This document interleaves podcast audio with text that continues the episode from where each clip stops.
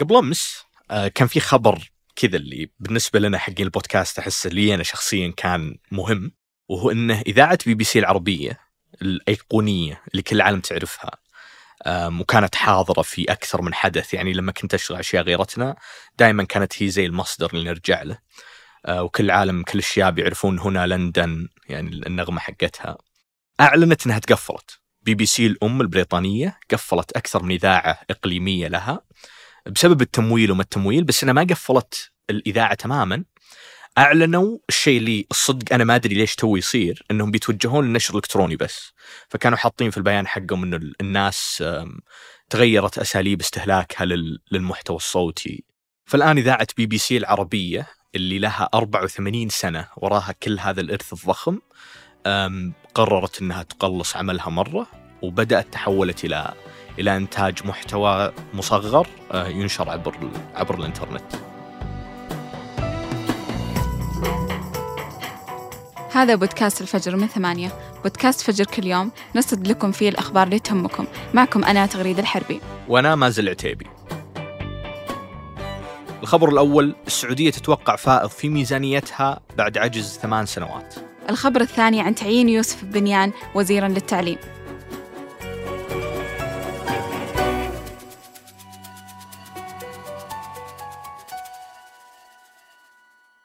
كلنا سمعنا قبل أمس بخبر البيان التمهيدي للميزانية السعودية. البيان قال إن السعودية راح تحقق أول فائض في ميزانيتها بعد عجز استمر ثمان سنوات. وذكر إنها راح تحقق كذلك فائض في ميزانيتها للثلاث سنوات الجاية. وراح ينمو اقتصادها بنسبة 3.1% في عام 2023. البيان ممكن يشوفه البعض تنبؤات، لكنه في الواقع يرسم ملامح المرحلة المقبلة في البلد. كيف؟ وجود عجز في السنوات الماضية أجبر الدولة على الاقتراض بكثافة. وكذلك السحب من الاحتياطي، وهذا سلبي طبعا على المدى الطويل. ولما جت الجائحة ركزت السعودية على تقديم الخدمات الصحية وتوجيه الإنفاق للقطاعات المهمة اللي تأثرت بشدة بسبب إغلاقات كورونا. الشيء ساهم في تأخير بعض المشاريع المفيدة على المدى الطويل. لكن الآن وجود فوائض في الميزانية بيسهل على الدولة تمويل مشاريعها وتعزيز استثماراتها براحة أكبر وهالشيء بينعكس بشكل إيجابي على حياه المواطن. البيان هذا مختلف لأنه ذكر أول فائض فعلي في الميزانية السعودية بعد العجز اللي حصل الايرادات في الثمان سنوات اللي راحت. وحتى نفهم الصورة بشكل أكبر، آخر فائض سجلناه كان في عام 2013 مثل ما ذكرت قبل شوي، واليوم السعودية متفائلة بتحقيق فوائض مليارية في ميزانيتها بداية من ميزانية 2022.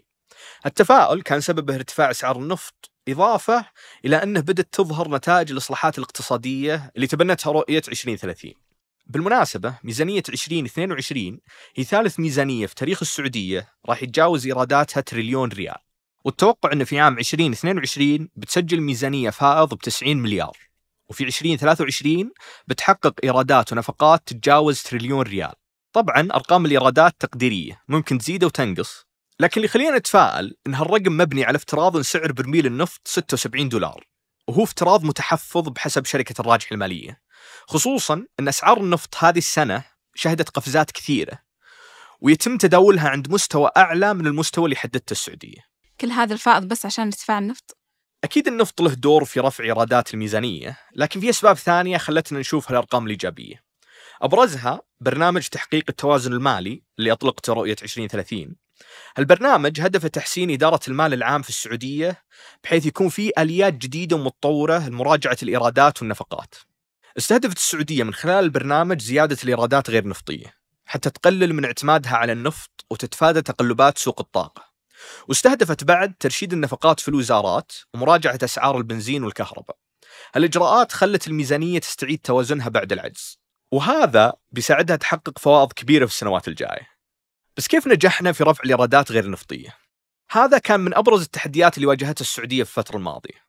تنويع مصادر الدخل من أهم الإجراءات اللي أثرت في نمو الميزانية وخلت العجز ينخفض تدريجيا من 2016 إلى 2019 قبل تجي الجائحة. الإيرادات غير النفطية في عام 2016 كانت 185.7 مليار. لكن في عام 2020 بعد سنوات من إطلاق الرؤية سجلت السعودية إيرادات غير نفطية تقدر ب 386.7 مليار. زادت الإيرادات غير النفطية بعد ما عززت السعودية استثماراتها في السياحة والترفيه. واستغلت صندوق الاستثمارات العامة للدخول في قطاعات جديدة. زمان كان التركيز على الطاقة والبتروكيماويات لكن اليوم السعودية تستثمر بالمليارات في قطاعات زي الألعاب وتبني مدن سياحية كبرى. ومن إيجابيات الاستثمار في قطاعات جديدة أنها بتخلق وظائف إضافية للمواطنين وهالشيء بينعكس على جودة الحياة. طب وش أثر هذا الفائض؟ بحسب وزير المالية محمد الجدعان الفوائض بتتوجه لتعزيز الاحتياطات الحكومية. هذه طبعا خطوة مهمة لأنها بتخفف من آثار العجز في السنوات اللي راحت. الصناديق الوطنية والبرامج والمشاريع الاستراتيجية اللي لها بعد اقتصادي واجتماعي راح يكون لها نصيب بعد. الجدعان ما أعطى تفاصيل لكن الفائض ممكن يدعم صندوق الاستثمارات العامة ويمول حساب المواطن ومشاريع الرؤية مثل نيوم وذا لاين. بس هذا الفائض بيقل في عام 2023 من 90 مليار إلى 8 مليارات. والسبب هو أن السعودية ودها تزيد الإنفاق في السنة الجاية وهذا منطقي بالنظر لحجم مشاريع الرؤية. صح أننا متفائلين بفائض مالي في المستقبل إلا أن الدولة حسب الجدعان بتستمر في الاقتراض محليا ودوليا لسداد أصل الدين المستحق خلال عام 2023 والسبب؟ لأن الفائض ما يوازي حجم الديون. وحتى مع الفائض الاقتراض مهم لاستغلال الفرص المتاحة في السوق وتنفيذ عمليات تمويلية عائداتها تستخدم في سداد مستحقات الدين للأعوام الجاية وتمويل المشاريع الاستراتيجية ومشاريع البنية التحتية. يعني بحسب وزارة المالية وصلت الديون المباشرة في 2021 901.3 مليار ريال سعودي. هذا يوضح لنا مشكلة واجهتها البلد قبل الرؤية وهي تجاوز المصروفات الحد اللي تضعه الميزانية. لكن مع ذلك التقارير المحلية المتفائلة أن الميزانية بتحقق فائض في المستقبل مدعومة بتقارير دولية منها تقرير لصندوق النقد الدولي في أغسطس الماضي يقول أن السعودية بتكون أحد أسرع الاقتصادات نموا في العالم هذا العام. الأسبوع الماضي صدر أمر ملكي بإعادة تشكيل مجلس الوزراء والقرار يعتبر تاريخي وكان من ضمن هذا القرار تعيين الأمير محمد بن سلمان رئيسا لمجلس الوزراء. التشكيل الجديد ما غير من الوزراء السابقين باستثناء اثنين. أولهم تعيين الأمير خالد بن سلمان وزير للدفاع والثاني كان تعيين يوسف بنيان وزير للتعليم. يوسف بنيان قبل صدور القرار كان الرئيس التنفيذي لشركة سابك اللي تتجاوز قيمتها السوقية 260 مليار ريال. بدأ عمله في سابك عام 1996 واستمر بالتدرج فيها إلى ما صار رئيس التنفيذي ب 2015 لكن غالبا وزارة التعليم هي التحدي الأكبر بين مناصبه اللي قبل. غازي القصيبي في أحد مقالاته كان يقول إن كل المشاكل اللي يواجهونها السعوديين مثل البطالة وتراح الأداء القطاع العام والخاص لا يمكن إصلاحها إلا بإصلاح النظام التعليمي. والتحدي في وزارة مثل التعليم هو حجم عملياتها الضخم على مستوى المملكة. ومن الدلالات على هالشيء هو كون بند التعليم هو الأعلى في مصروفات الميزانية السعودية لعام 22 بالمقارنة مع كل القطاعات الأخرى مثل القطاع الصحي والعسكري. وزارة التعليم منذ إطلاق الرؤية في عام 2016 مر عليها ثلاث وزراء. هذا يعني أن المعدل وزير جديد كل سنتين. وهذا معدل مرتفع بالمقارنة مع وزارات ثانية مثل وزارة الإسكان مثلا اللي مر عليها وزيرين بس من إطلاق الرؤية أو حتى وزارة العدل اللي وزيرها مستمر فيها من قبل إطلاق الرؤية إلى الآن. لكن طبعا على خلاف بقية الوزارات غالبا ما ترتبط وزارة التعليم بالناس أكثر وبالتالي تؤثر عليهم التحديات اللي يواجهها التعليم أكثر. ويمكن أقرب مثال له التأثير هو قرار تحويل السنة الدراسية لثلاثة فصول بدال فصلين اللي زاد من الأيام الدراسية خلال السنة وقلل من الإجازة الصيفية. هالقرار تكلم عنه وزير التعليم السابق حمد آل الشيخ إنه لمواكبة الإصلاحات ومحاولة التحسين والتطوير في التعليم. لكن بنفس الوقت هذا التوجه واجه أكثر من انتقاد. منه مثلا مطالبة مجلس الشورى لوزارة التعليم بإعادة النظر في هالقرار واللي علق عليه الخبير التعليمي الأمير فيصل مشاري بأن نتائج الدراسات والبحوث قالت أن هالقرار ما كان الأفضل وكان أثره سلبي وحتى أن تطبيق الجامعات له اعتبره خطأ استراتيجي وعموما القطاع يواجه تحديات كثيرة مختلفة. مثل الحاجة لافتتاح مدارس جديدة بشكل مستمر لموافاة الطلب المتزايد على المدارس الحكومية ومشاكل مثل حركة النقل الخارجي اللي ينتظر بسببها عدد كبير من المعلمين لنقلهم للمدن اللي يرغبون بالعمل فيها وحل مشكلة عدم التوافق بين مخرجات التعليم واحتياجات سوق العمل. ولأن مثل ما يقول غازي إصلاح المشاكل الكبرى اللي يعاني منها الشعب السعودي يتطلب إصلاحات حقيقية بنظام التعليم. فلما أطلقت الرؤية عام 2016 كان التعليم من المجالات اللي ذكرتها ولكن بنفس الوقت ما كانت حاضرة لها مستهدفات بنفس دقة المستهدفات للقطاعات الثانية. وبخلاف مستهدف وصول خمس جامعات سعودية إلى قائمة أفضل 200 جامعة عالمية. كانت باقي النقاط تقول عموما بتحسين نتائج الطلاب السعوديين في اختبارات التحصيل الدراسي العالمية. في كثير تحديات اليوم لا تزال تواجهنا في قطاع التعليم. لكن كخطوة لتحسين التعليم أعلن مجلس الوزراء بالجلسة الأخيرة استحداث تأشيرة جديدة اسمها التأشيرة التعليمية.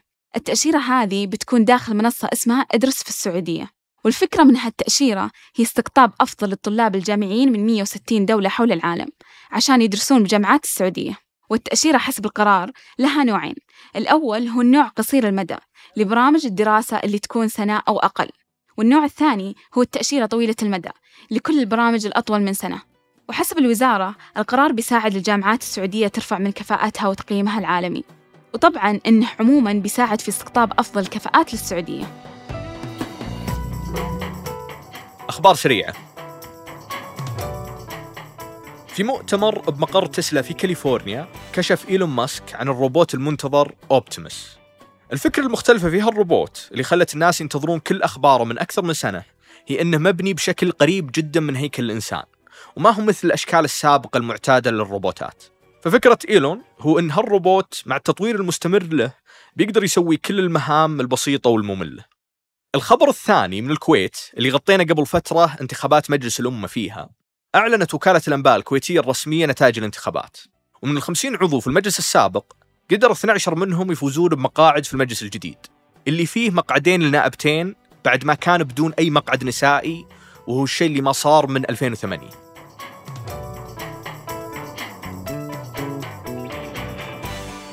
سجلنا هذه الحلقة على هامش معرض الرياض الدولي للكتاب. وأنتجها عمر العمران وتركي البلوشي وقدمتها أنا تغريد الحربي وأنا مازن العتيبي. وحررها محمود أبو ندى. نشوفكم بكرة الفجر.